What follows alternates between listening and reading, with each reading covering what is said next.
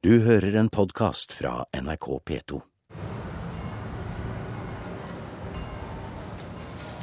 Skulle jo tro det var en scene fra en Hollywood-film om, ja. om halloween. eller?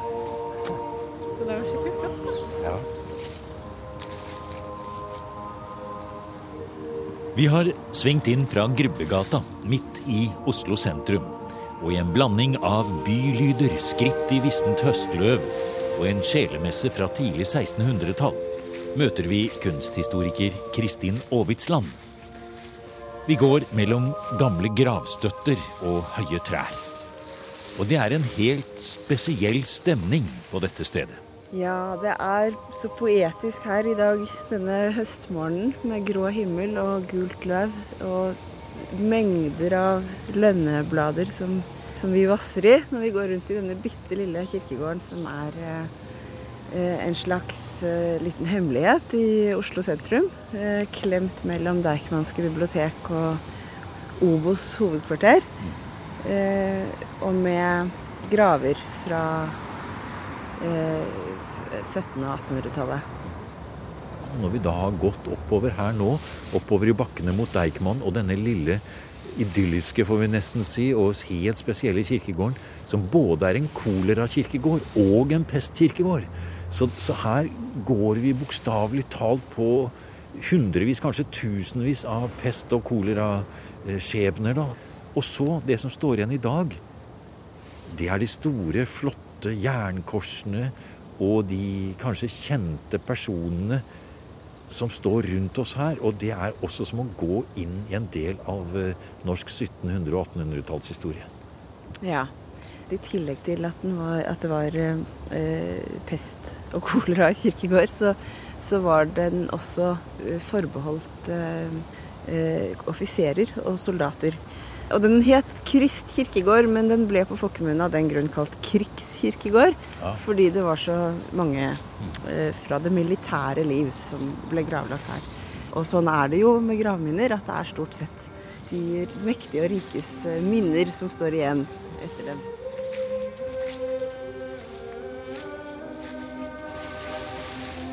Se her, eh, Kristin. Her går vi mellom to ja, mannshøye jernkors. Store. Og det er fru statsrådinde Marie Fleischer, født Kirkegård. Død i 1847. Hvis vi ser på de korsene, eh, store, høye jernkors, eh, så ser vi at det er eh, en symbolikk på dem. De er veldig enkle. De har ikke så mye, mye bilder og dekorasjoner, men de har et, et symbol som er et vanlig dødssymbol. De har en, en eh, sommerfugl. oh, helt som er jo et, et, selvfølgelig et bilde på, på dette nye liv. Jordelivet som en sånn slags larveliv, og så døden som puppen, og så det evige liv som man flyr opp til. Vi går videre oppover i bladene her og går inn i denne spesielle Ja, hva het egentlig Hva var det kirkegårdene ble kalt, Kristin? Eh, ja, altså Kirkegård er jo et navn som eh, viser til at det er en kirke i nærheten, og det var det også. Det var et gravkapell her. Eh, men Luther kalte der, hvor, folk ble begravet, han kalte det for Gudsåker. Og det, det er et, et billedspråk som, som knytter litt an til dette med sommerfuglen som, som omformet. For da tenker man på at eh, den døde kroppen er som frø som sås i en åker, og som skal eh, eh, vokse opp til et Eller gjenoppstå, da, som en, en, en, til et nytt liv. Akkurat som frø, frøet som Blomsten som dør og setter frø, og så faller frøet i, i jorden og gjenoppstår. En av grunnene til at vi går her på kirkegård og snakker om døden, og vi er opptatt av symbolene og skriftene som står på gravminnene her, og det hele, det er jo det at eh, i dag så ser vi jo på døden som noe veldig privat, kanskje, og noe som skjer på en institusjon, og som ikke så mange har eh, på en måte direkte kontakt med lenger. Men kunsten å dø, den har forandret seg mye opp gjennom hundreårene. Eh, ja, kunsten å dø eh, er eh, I gammel tid, fra middelalderen og, og, og fremover, så, uh, så så man på det å dø på en god måte. Rett og slett som en, en kunst, eller en, en, noe man måtte lære seg, noe man måtte tilegne seg. Selvfølgelig først og fremst for å, for å sikre sin, uh, sin tilværelse etter døden. Og var det viktig å dø med, med ro og fred og være forsonet med, med sitt liv og har gjort opp sitt, eh, sine synder og sin gjeld til sine medmennesker eh, osv. Og, og det ble skrevet en del veiledninger i eh, kunsten å dø. Eh, berømt er eh, Jean Gersons 'Ars Moriendi', som det het, fra senmiddelalderen. Og den ble omformet og overlevert i århundrene etterpå i forskjellige, litt forskjellige varianter ettersom, ettersom den ble overlevert i, i det protestantiske Nord-Europa eller det katolske Syd-Europa. For det er jo et stort skille her. Eh, som vi alle vet, reformasjonen det forandret jo så veldig mye. Men én ting er vel kanskje viktig å holde fast ved når vi snakker om kunsten å dø, det er jo eh, hva de som lever skal gjøre, og hva man gjør før man dør. For det var jo noe før som het eh, skjærsilden. Ja. Uh, det er klart at altså, når man tenker at utfallet av, man, av døden ikke er gitt på, på, forhånd, hvis det er en Man kan havne i himmel eller helvete, og det er om å gjøre å hjelpe den døde til å komme på rett sted. Da er det mange ting den, eh, de etterlatte kan, kan, gjøre. Først og fremst kan de be for den dødes sjel. Dette er en viktig, et sentralt ting i fromhetslivet i, i middelalderen, særlig senmiddelalderen. Og fortsatt i katolsk praksis i, i dag så, så, er det en sentral ting at de døde trenger forbønn fra de levende. Og til grunn for det ligger forestillingen om Eh, de hellige samfunn, som det heter. Som er eh, tanken om at alle mennesker som er døpt, utgjør et fellesskap. Og da er det logisk å tenke seg at, eh, at de, de, døde ber for de levende for at det skal gå dem vel, og de, de levende ber for de døde som er i skjærsilden, på vei til den endelige hvile og den endelige forsoning og den endelige fred i paradiset. Når hele denne forestillingsverdenen eh, demonteres, eh, så blir det jo irrelevant å be for den døde. Det, det har ingen hensikt. Og den demonteringen den kommer med reformasjonen den, og at ja. skjærsilden faller bort som et trosgrunnlag? Ja, det er den lutherske reformasjonen, eller den protestantiske reformasjonen eh, på eh, tidlig 1500-tall. Og man eh, tror da at den døde, så sant han eller hun en, var en troende, så kommer den døde til himmelen. Og de som ikke tror, de havner andre stedet. så, så, da blir selvfølgelig det, det, som blir helt vesentlig da, det er jo å dø med en fast tro. Og det bør jo da helst stå kanskje på gravstedet, det da? At det har skjedd? Nettopp. Ja. Det blir veldig viktig å på et, et vis dokumentere den troen. Fortelle de andre at her, her, her, ligger, her er restene etter en, et from person. Ja. Det, ja. det er jo eh, det, er, det, står og faller med, på en måte.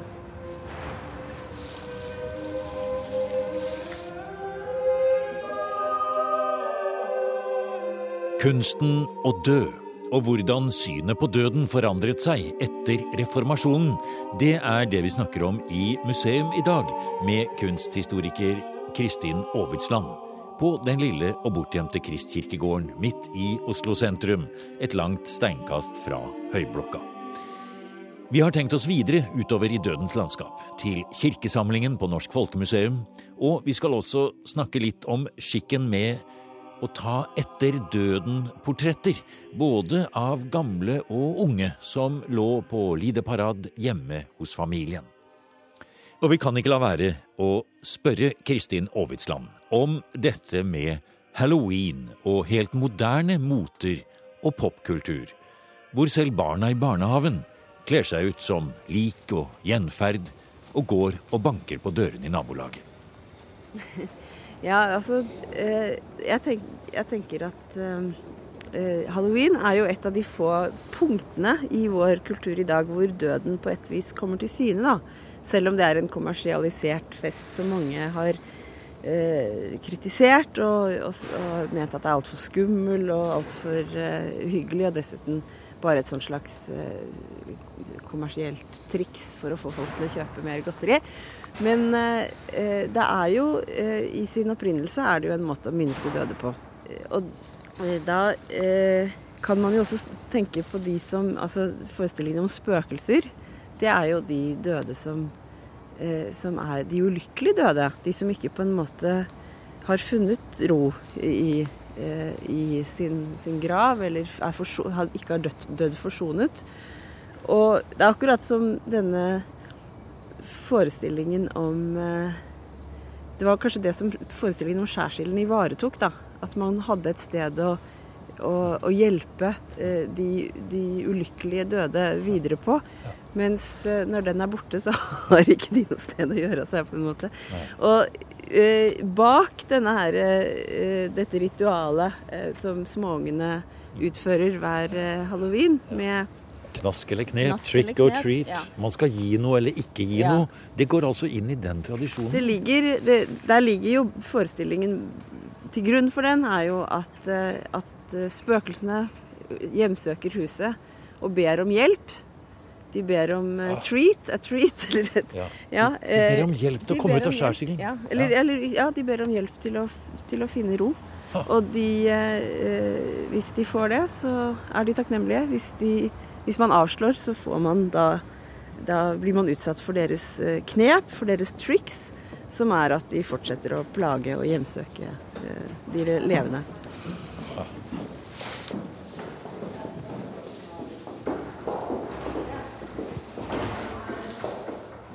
Kanskje vi skulle tatt en titt på dette epitafiet her borte. Ja.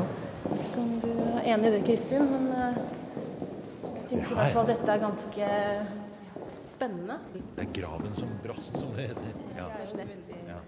Fotoarkivar og kunsthistoriker Marie Fongård Seim åpner dørene til kirkeutstillingen på Norsk Folkemuseum.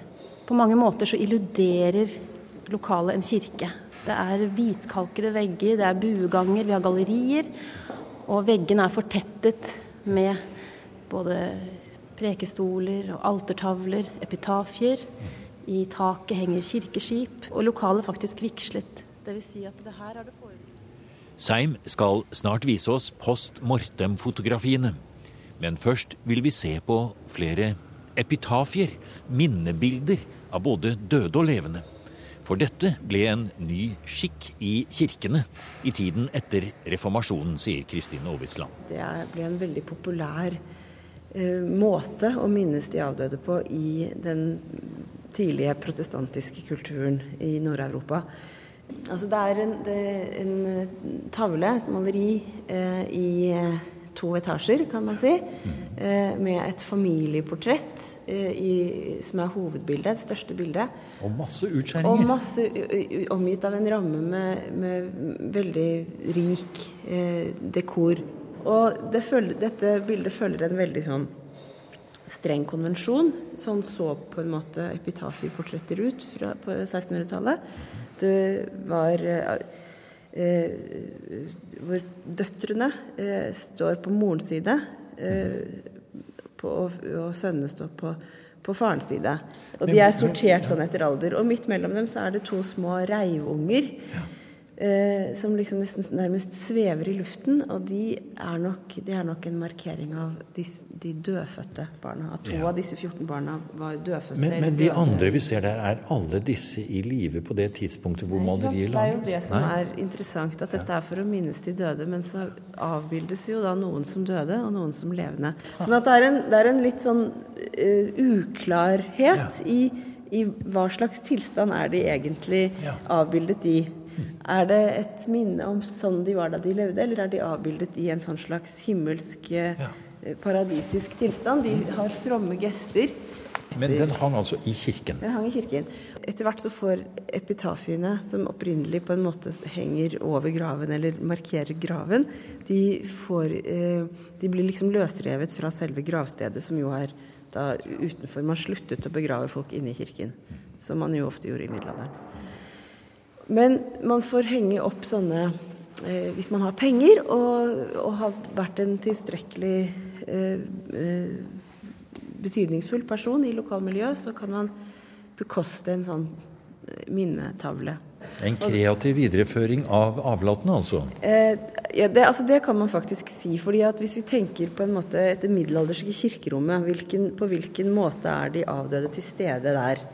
Der er de til stede Altså de hellige avdøde, helgenene, de er jo til stede i form av kanskje av bilder eller skulpturer eller figurer, og de kan ha sine, sine altere som er viet til dem, og det feires messer der, og, og man eh, ber om deres forbønn hos Gud. Men på en måte så er alle som har noen etterlatte som er opptatt av deres sjelefrelse, de er til stede kanskje ikke visuelt, men de er til stede gjennom handlinger i kirkerommet, nemlig ved sjelemesser som feires, og bønner som bes, og lys som tennes, og en sånn praksis eh, i, i, rommet. Mens eh, etter reformasjonen så er, så er, som vi snakket om tidligere, så blir denne, hele denne praksissiden overflødig.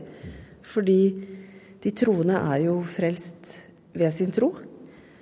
Og man trenger ikke feire messe for dem, man trenger ikke holde på med alle disse tingene. Eh, men det eneste som er igjen, eh, eneste, den eneste måten de, de, døde er relevante på, så å si, for de er liksom ekspedert videre. Man trenger i og for seg ikke bekymre seg for dem, men de er bare igjen i kraft av sitt minne. Uh, og, og, man setter opp minnebilder etter dem. Det er på en måte en, en mer sånn passiv måte å forholde seg til de døde på, gjennom minnet som står der og lyser mot oss. Og, og, de kan fungere som eksempler for oss. Her går du inn i basen din, ja? Her er vi inne i Primus, som er den uh, databasen hvor vi registrerer gjenstander, fotografier, uh, lyd og film. Mm. Og her har jeg da en, eh, laget en mappe med fotografier eh, etter fotograf Gustav Borgen, som virket som eh, portrettfotograf i Kristiania rundt forrige århundreskifte. Han holdt til på Karl Johan. Mm. Og vi har da 50 000 portretter fra hans samling. 50 000? 50 000 mm. En stor glassplatesamling eh, som er eh, digitalisert. Katalogisert og tilgjengeliggjort på digitalt museum. Som jo betyr at hvem som helst av de som hører på dette nå, kan gå inn og faktisk se på disse bildene. Det kan vi. Det ja. kan vi. Og noen av dem så skal vi snakke om her, for det er jo ikke egentlig de 50 000 bildene som du har tatt fram her nå. For blant disse 50 000 bildene ja. så finnes det en helt spesiell, eh, en helt spesiell motivkrets. Vi kaller det for post mortem-fotografering post mortem-portretter, som altså da betyr at man har tatt eh, bilder av eh, mennesker etter de har dødd. Mm. Kan jo gå inn og se, inn og se på noen du har tatt fra noen her? Vis helbilder. Å, se der kommer det. Ser vi en eldre kvinne som ligger i en åpen kiste. Mm. Vi er nok trolig hjemme i familiens stue. Ja, nettopp. Og det er et veldig flott bilde på den måten at det er så rolig og fredelig, og det er tatt litt fra siden. Og det er eh, egentlig et eh, vakkert bilde. Det er en verdig framstilling av en død, og, du, og, det er også pyntet med blomster. Mm. Hun har foldede hender. Eh, Blonder ser vi der på puten der, ja. Og hjemme privat. Mm. Et annet eksempel viser en litt yngre Ja, hun kan være en tenåringsjente som er portrettert i eh, Her ser det nesten ut som hun ligger i seng, men jeg tror det skal være en kiste. Um, og her er det et nattbord ved siden av, eller en skjenk, med vaser med, med blomster. Ja. Og dette er da også i, i, hjemmet. Hun er pyntet med, med sløyfer i håret. Hun ligger fredelig med foldede hender. Og her ser vi jo at bildet kanskje også er laget med henblikk på Altså for én ting er jo at disse bildene er tatt for å minnes dette mm. dødsøyeblikket på en måte, eller at det er en person som har gått ut av livet. Mm. Men det kunne jo også hende at disse bildene skulle være stå utstilt, innrammet kanskje, eller, eller bli sett på en gang imellom i et album ja. f.eks. Ja, eh, det vil, vil det ha vært i et album eh, f.eks. Men det mm. kan også ha stått, eh, vært innrammet. Mm. Um, Nå har vi jo akkurat vært nede i uh, kirkekunstutstillingen og sett epitafier med, med portretter av, uh, av, døde. Og disse fotografiske portrettene inngår jo i en sånn eh, portrettradisjon som har vart i mange århundrer, hvor man da har brukt portrettet til å markere viktige begivenheter i livet, deriblant døden. Um, men når fotografi da kommer på Fotografiets fødsel er jo 1839. Mm. Fotografiet kommer, og visittkortfotografiet blir vanlig på 1860-tallet. Så skjer det jo en demokratisering av portrettmediet. Ja. Det at det er flere enn en bare overklassen, eller altså de adelige, de kongelige, som kan la seg portrettere. Så det blir som eh, nåtidens Facebook. At man hadde albumer stående hjemme med fotografier av eh, sin vennekrets, sin familie. Og man kunne vise fram sine bekjentskaper. Men det er kanskje ikke så mange post mortem-bilder i dagens Facebook-album og, og, gallerier, kanskje? Det er vel ikke så vanlig? Ja, men samtidig så er det overraskende å se hvordan denne skikken på en måte drar seg litt inn i, i vår tid også, da. Oh, ja, ja. Uten at jeg har forsket noe på det, men jeg har selv registrert det. Senest for et par uker siden så så, så jeg det var noen som hadde lagt ut et fotografi av, sitt, av sin døde datter. Mm Eh, i, eh, fra sykehuset, og hvor det sto 'Hvil i fred'. Da er vi jo helt tilbake hit igjen i post mortem-fotografiene som du tar frem her. Så ringen er sluttet på en måte, eller vi ser det i en annen form, da. Mm. Seniorkonservator Audun Kjos på Norsk Folkemuseum har interessert seg for hvordan dødsritualer og skikker knyttet til gravferd og død har endret seg i relativt moderne tid. For bare vi går et par-tre generasjoner tilbake, var døden noe som foregikk i hverdagen, i hjemmet, og noe som alle hadde et forhold til. En ting av dette var jo at mens man hadde en person liggende død hjemme, da var det jo sånn at når, man, når det kom folk på besøk, da ble det jo da spurt om de ville se liket. Norsk etnologisk gransking der jeg jobber, vi gjorde undersøkelser på 1950- og 1960-tallet om dette her med, med død og gravferd. og da folk har beskrevet uh, hvordan dette var sånn fra, fra 1880-tallet av og fram til uh, eh, 1930-40-tallet. Um, og det var jo da en, som du sier, en stor sosial begivenhet. Det var jo også noe som skjedde veldig ofte. Ja, her er det noen tall som, uh, som sier da altså at um, Barn i perioden fra de var 5 til 15 år, i da 1875, de måtte regne med å oppleve sju dødsfall i sin nærmeste slekt. Men den selveste, den viktigste øyeblikket i denne prosessen fra man har ligget hjemme og så til man ender på kirkegården, det, det er det som ble kalt for utsyngingen. Så idet den døde skal bæres ut over dørstokken hjemme, Altså, det, det kalte de da for å synge den døde ut. Det er i hvert fall én vanlig måte å si, si, det på. Akkurat da så skulle, skulle lokket løftes av kisten, og så skulle alle som var der, se den døde. Det har vi også da beskrivelser av folk som var barn, som da ble løftet fram til kisten for at de skulle få se ordentlig, få se den døde. Så du kan tenke dette som et sånt obligatorisk punkt da, i, i denne uh, gravferdsgangen. Uh, men sett da at du ikke var til stede. Da, Sett at du befant deg i Amerika og, og ikke kunne komme hjem når mor døde. Altså, da ville jo et slikt postmortem-fotografi fylle noe av den funksjonen, den plikten som du da på en måte har forsømt når du, når du har vært borte. Når begynner denne skikken som du nå har beskrevet, som vi ser på her, og postmortem-bildene og alt det, å forsvinne? Det er jo et, et, veldig spennende spørsmål som jeg gjerne skulle kunne fortalt deg enda mer om. men det skjer jo en endring fra i byene fra mellomkrigstiden, fra 20-30-tallet. Og, og, noen steder enda så begynner det jo enda før med at de første begravelsesbyråene ble etablert. Men i det norske materialet, dette er i europeisk sammenheng veldig seint, i det norske materialet så, så det der vendepunktet med at, at, det blir vanlig å bli begravd fra institusjon, at det blir uvanlig å dø hjemme, det skjer på 50-tallet, 1950-tallet. Altså det, det, er en, en, veldig stor kulturhistorisk endring som ikke ligger så langt fra oss. Og bare vi ser oss litt rundt, sier Audun Kjos, så oppdager man at lystenning ved ulykkessteder, såkalte spontanaltere, blir mer og mer vanlige. Og i USA, sier Kjos, er det nå noe man kan kalle en bevegelse for hjemmebegravelser. Ja, der har det utviklet seg noe i seinere år som kalles for the home funeral movement. Der hvor man altså kan ut, utdanne seg til å bli en eh, De kaller det death midwife.